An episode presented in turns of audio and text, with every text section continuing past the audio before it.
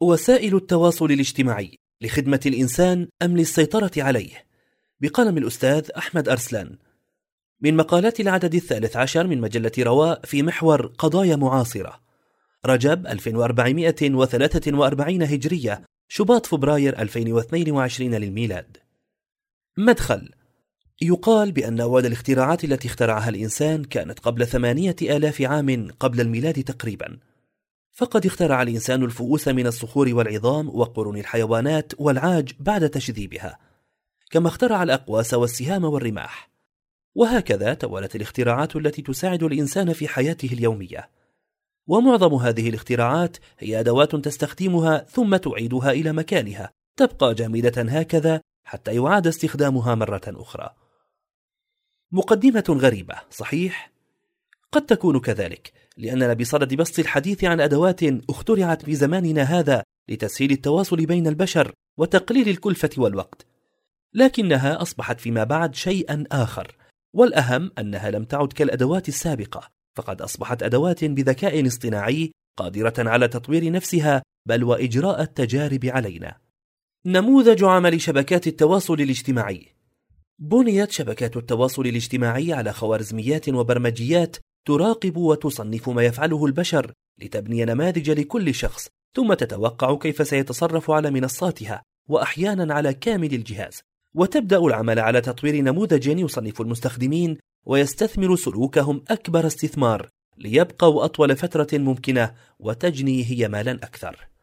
وبالمثال يتضح المقال تخيلوا معي لوحة إعلانات طرقية بجانب إشارة مرور تعرض إعلانات مرئية للسيارات المتوقفة. في هذا المشهد أربعة عناصر هي أولا لوحات الإعلانات الطرقية. ثانيا شركة الإعلانات التي تملك اللوحات الطرقية. ثالثا المعلن الذي يدفع لشركة الإعلانات. رابعا الأشخاص المتوقفون بسياراتهم أمام هذه اللوحة. فلوحة الإعلانات تقابلها منصات التواصل الاجتماعي وشركة الإعلانات تقابلها الشركات المالكة لمنصات التواصل الاجتماعي. والمعلن الذي يدفع لشركات الإعلانات هو نفسه الذي ينشر الإعلانات على شبكات التواصل الاجتماعي. والأشخاص المتوقفون بسياراتهم أمام هذه اللوحة يقابلهم مستخدمو هذه الشبكات. هذا هو نموذج عمل شبكات التواصل الاجتماعي التجاري. وحتى نعرف عمق تأثير منصات التواصل الاجتماعي هذه على عاداتنا ونحتها المستمر في سلوكيات المجتمع دعونا نعود لمثالنا.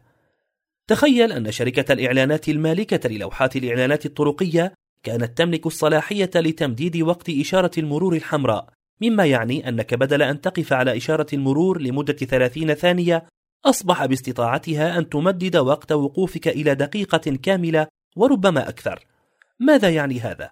هذا يعني أنها أخذت من وقتك حتى تزيد من أرباحها لأنها إما ستبيع الإعلان بسعر أعلى كون مشاهدتك له أصبحت أطول أو ستبيع عدد إعلانات أكثر لأن الوقت أصبح أطول فيتسع الزمن لإعلانات أكثر. لكن لحسن الحظ أن شركات الإعلان الطرقية لا تملك هذه الصلاحية ومع الأسف شبكات التواصل الاجتماعي تملكها بطريقة ما. نعم تملكها بل إن جوهر المنافسة بين منصات التواصل الاجتماعي هو هذا بالذات. سباق بين المنصات لجذب انتباهنا واستهلاك أوقاتنا. أي جوهر المنافسة بين منصات التواصل الاجتماعي هو زيادة عدد الدقائق أو الساعات اليومية التي نقضيها على هذه المنصات. وبكل بساطة الهدف الأساسي زيادة الربح. فكلما سمرنا أعيننا لفترات أطول على الخط الزمني لهذه الشبكات وبقيت أصابعنا تسحب الشاشة للأعلى لنرى المنشورات التالية رأينا إعلانات أكثر ودفعت الشركات المعلنة لشركات التواصل الاجتماعي أكثر. وكما يقال إن لم تدفع ثمن المنتج فأنت المنتج. أبرز ثلاثة أهداف للشبكات الاجتماعية لزيادة ربحها. أولا زيادة التفاعل لنبقى فترة أطول. ثانيا نمو عدد المستخدمين لتعود وتدعو غيرك. ثالثا بيع عدد إعلانات أكبر. كم نقضي من الوقت على شاشات الجوال؟ قد يقول قائل أنا لا أقضي وقتا طويلا على شاشة الهاتف. هي بضع دقائق فقط لكن الحقيقة غير ذلك. واستخدام الجوال وتصفحه وتفقده أصبح عادة لا وعي لدينا خلال المشي عند أول لحظة ملل بعد الصلاة في التجمعات العائلية والمهنية قبل النوم وفي أوقات كثيرة يومية تمتد أيدينا مرارا وتكرارا للنظر في تحديثات التطبيقات. وبإمكان أي منا أن يتفقد مدة استخدام الجهاز وينظر للنتائج في نهاية كل يوم ستصدمون. نحن نقضي على الأقل ثلاث ساعات يوميا على الهاتف وقد تصل إلى خمس وست ساعات. ونفتح شاشة الجوال مئات المرات كل يوم. ففي عام 2020 أشار تقرير نشرته شركة آب آني لمراقبة التطبيقات ومقرها الرئيسي في الولايات المتحدة إلى متوسط عدد الساعات التي يقضيها الناس حول العالم في تصفح هواتفهم أثناء اليقظة حيث يصل إلى 4.8 ساعات يوميا بارتفاع عن عام 2019 بنسبة 30% وقدرت هذه الإحصاءات قياسا على عشر دول ضمت الهند وتركيا والولايات المتحدة واليابان والمكسيك وسنغافورة وكندا. أما مستخدمو تطبيقات الهاتف في كل من البرازيل وإندونيسيا وكوريا الجنوبية فقد تجاوز الوقت الذي يمضونه في تصفح هواتفهم مدة خمس ساعات يوميا. وهذا لأن صانعي هذه الخوارزميات والمتلاعبين من ورائهم تعلموا كيفية تحفيزنا وطوروا مهاراتهم. وبدون ممارسات واعية لترشيد استخدامنا للجوال والشبكات الاجتماعية ستسرق هذه الأشياء كل اهتماماتنا وتركيزنا وأوقاتنا وطاقاتنا. وسنفقد الكثير من عاداتنا اليومية دون أن ندرك ذلك كالقراءة الجادة البنائية أو التركيز والمذاكرة أو النوم العميق أو الإصغاء التام لمن حولنا وبناء العلاقات أو حتى الاختلاء بالذات. وكما يقول أهل العلم بأن المعصية تحل محل طاعة وأن البدعة تحل محل سنة. فكذلك الأوقات والتركيز الذي يتلاشى على شاشات الجوال هو في الحقيقة على حساب تركيزنا على أهدافنا وحياتنا. يرى ابن القيم رحمه الله أن التفكير طاقة تنفد لذا يجب ألا يتم إحراقها في المجريات وأحوال الناس. بل التركيز على الموضوعات النافعة وهذا ليس في حال الاجتماع مع الآخرين بل حتى عند خلوة المرء بنفسه يجب ألا يستهلك طاقته الذهنية في التفكير بالأحداث العابرة بل يستعملها استعمالا منظما في الأهداف الفاضلة الكبرى. هذا في زمانه فكيف في زماننا؟ الشعور بالإنجاز على شبكات التواصل الاجتماعي. وهم الشبكات الاجتماعية هو نشوة الشعور بالإنجاز والتأثير السريع. فترانا دائما نبحث عما نكتب أو ننشر ونراجع عدد الأشخاص المتفاعلين مع ما نشرنا. وكم شخصا رأى الحالة التي وضعناها وما هو تقييم الآخرين لأشكالنا وأفكارنا. وهذا يسمى الشعور بالبحث عن الموافقة الاجتماعية. ولأن ما يأتي سريعا يذهب سريعا فكلما غبنا قليلا عن التفاعل مع هذه الشبكات سنشعر بخواء وفراغ. فنعيد البحث عما ننشر ونتابع ما نحصل عليه من تفاعل. وهكذا في حلقة مفرغة تستهلك تركيزنا بإنجاز هو في كثير من الأحيان وهمي. وهذا لا يعني أنه كذلك لكل ما ينشر لكن الخطير أن يصبح النشر لأجل النشر والبحث عن التفاعل والشعور بتلك النشوة العابرة. وهكذا يتولد لدينا شعور يدفعنا للتعليق على كل شيء والتفاعل مع كل شيء وضرورة الكتابة والنشر مرة يوميا ولو لأتفه الأشياء. كما أن هذا النشر على الشبكات والتفاعل السريع معه يصعب علينا العمل على أرض الواقع لأننا نعتاد الإنجاز الوهمي السريع السطحي غير المؤثر على حساب الإنجاز البطيء العميق المؤثر. ولنتذكر أن رموز الإعجاب والمتابعة وعدد المشاهدات والزيارات تخلط أحيانا بين الحقيقة والقيمة وبين الشعبية الهشة والزائفة. أيضا زيادة الاهتمام بالنشر والتفاعل على منصات التواصل الاجتماعي غالبا ما يكون على حساب الإنجاز الحقيقي المؤثر على أرض الواقع والذي لا يأتي إلا بعد سنوات من البناء ثم سنوات من العمل. نظام التوصيات. هل توقفت مرة وسألت نفسك لما عندي ألف صديق وأتابع عشرات الصفحات على فيسبوك ولا أرى إلا منشورات العشرات منهم وربما أقل؟ هذا مبرمج ومقصود. فالشبكات الاجتماعية ولأنها تريدك أن تقضي أطول فترة ممكنة على منصاتها فهي تدرس بعناية أي تعليق أو مشاركة أو إعجاب أو تفاعل مع أي منشور بل حتى وقوفك لثانيتين أو ثلاثة على أحد الفيديوهات وعدم وقوفك إلا لثانية واحدة على فيديو آخر هو أمر مسجل ومحسوب وله تبعات لاحقا ويستخدم بصور سيئة من قبل الشركات. فخوارزمية الشبكات الاجتماعية تدرس اهتمامك وتفاعلك وتبدأ بإظهار المنشورات التي تجذبك وتزيد تصفحك وتفاعلك. أما تلك التي لم تعرها اهتماما فبعد أن تتأكد تلك الخوارزمية أنها لا تساعد على إبقائك لفترة أطول سوف تستثنيها تماما من جدار التصفح. وقد يقول قائل وما المشكلة؟ هكذا أفضل لا يظهر لي إلا ما يعجبني. أقول لك هنا المشكلة يا صديقي. فعادة يتفاعل الناس إيجابيا مع الأمور التي تعجبهم لكن آراء الناس وأفكارهم من حولنا في العالم الواقعي ليست كذلك. فالاختلاف موجود وسيبقى وإن لم نتعلم كيف نتقبله ونديره ونتعامل معه فسيخرج لدينا أشخاص حادون لا يقبلون أي خلاف بل ويستغربونه. من أين يأتي ذلك؟ عندما تقضي أسابيع وشهورا على منصات التواصل الاجتماعي وهذه المنصات لا تقترح لك ولا تظهر إلا أشخاصا يفكرون كما تفكر واهتماماتهم تشبه اهتماماتك وآراؤهم مثل آرائك. فسينطبع لديك أن الناس معظمهم يفكرون بهذه الطريقة لكن الحقيقة ليست كذلك. بل منصة التواصل الاجتماعي التي تستخدمها أوهمتك بذلك وركزت لك على المنشورات التي تعجبك وعندما تخرج للعالم وترى أن هناك من يخالفك ستستغرب. وهذا هو جوهر عملية التأثير بالانتخابات التي ضجت به الدنيا في أمريكا. ففي كل بلد هناك شرائح من الناخبين سبق أن حددت موقفها من الانتخابات. لكن أيضا هناك شريحة لم تحدد بعد من ستنتخب. وغالبا ما تكون هذه الشريحة هي المؤثرة في حسم نتيجة الانتخابات فتقوم الجهة التي تسعى للتأثير بالانتخابات باستغلال ثغرات في هذه المنصات أو بالتعاون معها لترجيح كفة المنشورات التي تدعو للمرشح الفلاني أو تبرز أخباره وإنجازاته وتصنع تأثيرا في المتابعين خاصة ممن لم يحدد موقفه بعد. كما يعمل نظام التوصيات في المنصات الاجتماعية على اقتراح المنشورات التي تشابه منشورات سابقة كنت قد أبديت اهتماما بها. حتى لو كانت شائعات أو أخبارا زائفة ومضللة.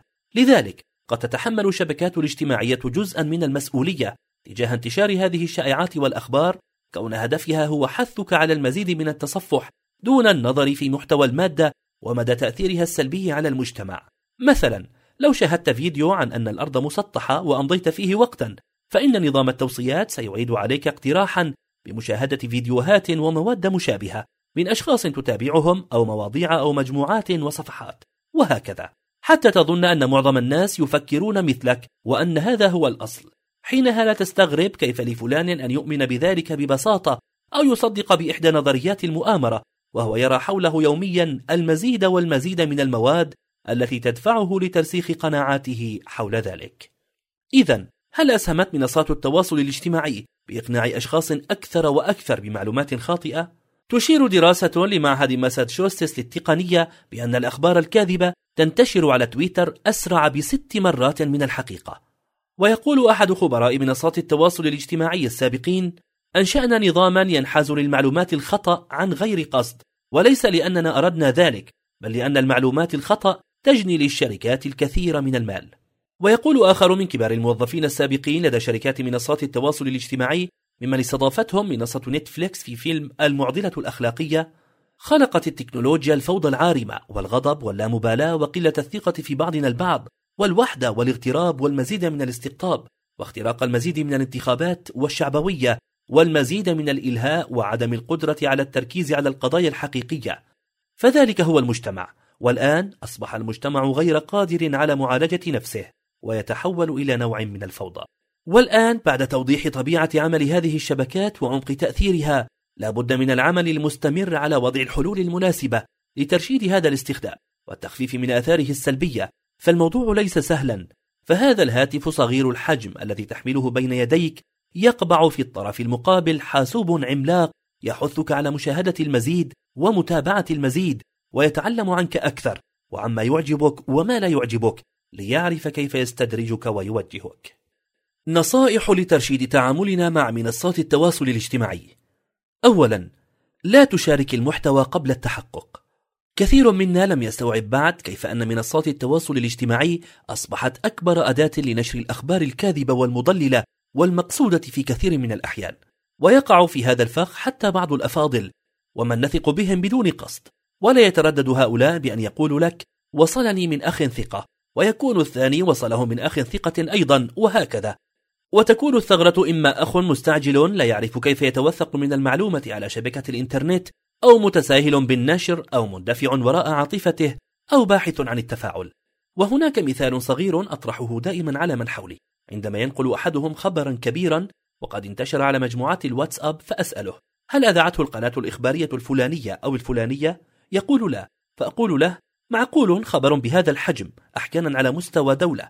يتناقله الناس على مجموعات الواتساب كأنه تسريب وما زالت القنوات الكبيرة المتخصصة لم تعلم به. هذه إحدى القواعد اليسيرة في التوقف عن نشر أخبار كهذه. لذلك قبل أن تشارك محتوى ما عبر الإنترنت تأكد من الحقائق وضع في اعتبارك المصدر. ثانيا خصص أوقاتا معينة لاستخدام الإنترنت والهاتف الجوال. ولا تتصفح المواقع عشوائيا بل ادخل للموقع والتطبيقات بهدف معين وعندما تحققه اخرج منه. وإن صعب عليك فخصص أوقاتا يحضر فيها استخدامه في المسجد في الطريق ماشيا عند اجتماعات العمل والعائلة والأصدقاء في ساعات معينة يومية وهذا مفيد حتى على مستوى العائلة. ففي النهاية أنت قدوة لأبنائك. يجب أن يروا أن هناك أوقاتا معينة يوضع فيها الجوال بعيدا ويتفرغ فيها الإنسان لعبادته وعمله ومهامه وعلاقاته الاجتماعية. ويا ترى كم أخذت منا الهواتف الجوالة أوقات ذكر وعبادة وتأمل وقراءة وعمل.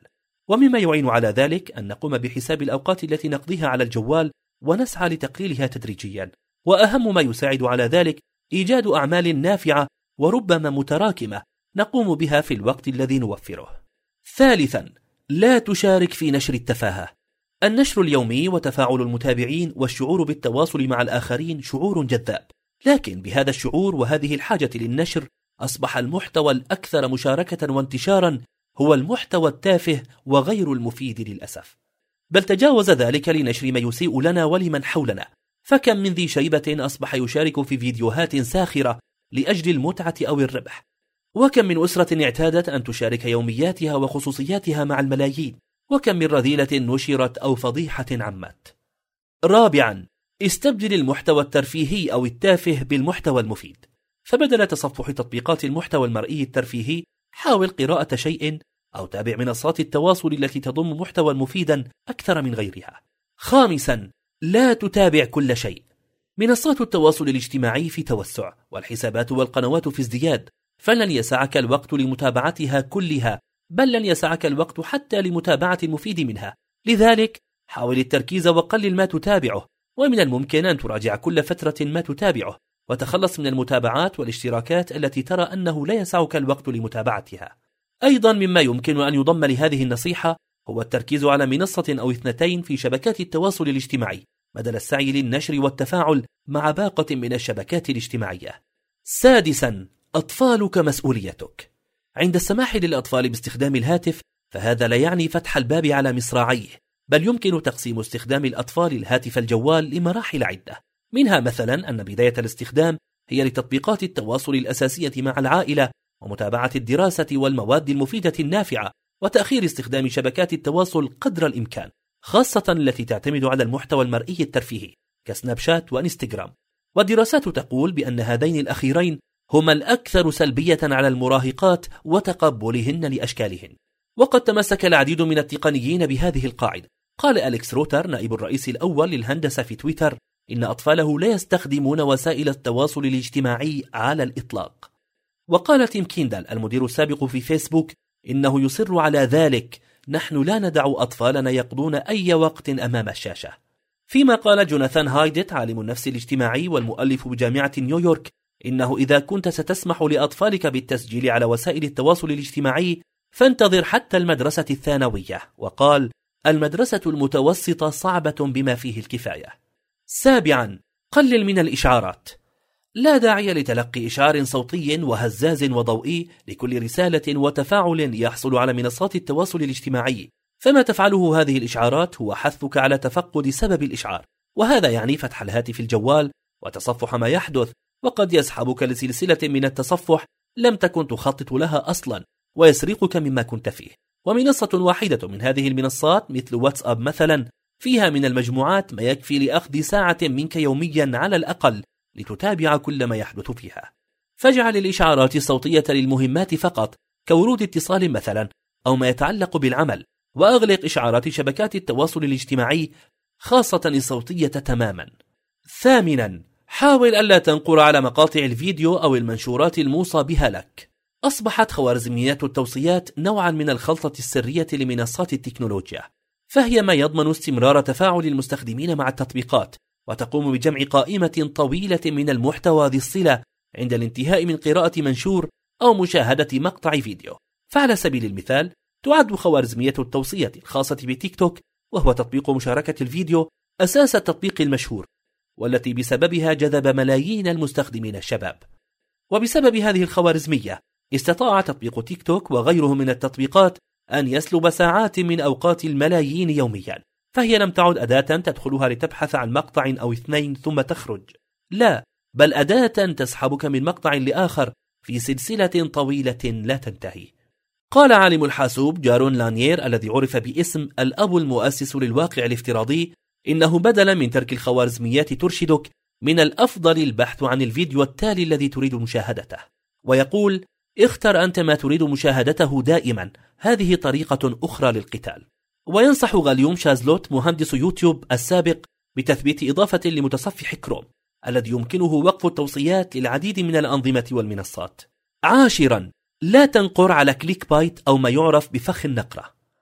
click bait هو شكل من أشكال الإعلان الكاذب ويتكون من رابط مصمم لجذب الانتباه وإغراء المستخدمين باتباعه وقراءة الجزء المرتبط به من المحتوى عبر الإنترنت أو عرضه أو الاستماع إليه. مع الوعد بميزات معينة عادة ما تكون مثيرة أو مضللة. وأجبر ناشرو الأخبار على التكيف مع خوارزميات منصات التكنولوجيا هذه مما أدى إلى تغيير أنواع القصص التي ينشرونها بناء على ما يجذب انتباه المستخدمين على الإنترنت. عاشرا تحكم فيما يقترح لك. في عدد من منصات التواصل الاجتماعي هناك خيار لتغيير طريقة عرض المنشورات. من المختارة لك إلى الأحدث. تصفح من خلاله أو جرب استخدامه كل فترة. النصيحة الأخيرة عالج إدمانك. علينا أن ندرك بأن إدمان الإنترنت حالة مرضية حديثة. ظهرت بالتزامن مع ظهور الإنترنت وتقتصر على مستخدمي الإنترنت دون غيرهم فتؤدي إلى تغير السلوكيات والتصرفات. ويعتبر الشخص مدمنا للإنترنت وفق وصف كيمبرلي يونغ عالمة النفس الأمريكية إذا تعدى استخدامه للإنترنت 38 ساعة في الأسبوع الواحد أي ما يعادل خمس ساعات ونصف الساعة يوميا تقريبا. وإدمان الإنترنت يدخل ضمن نطاق الإدمان بشكل عام وهو اعتياد شخص على أمر معين واستخدامه لفترات طويلة دون القدرة على التخلص منه أو تركه.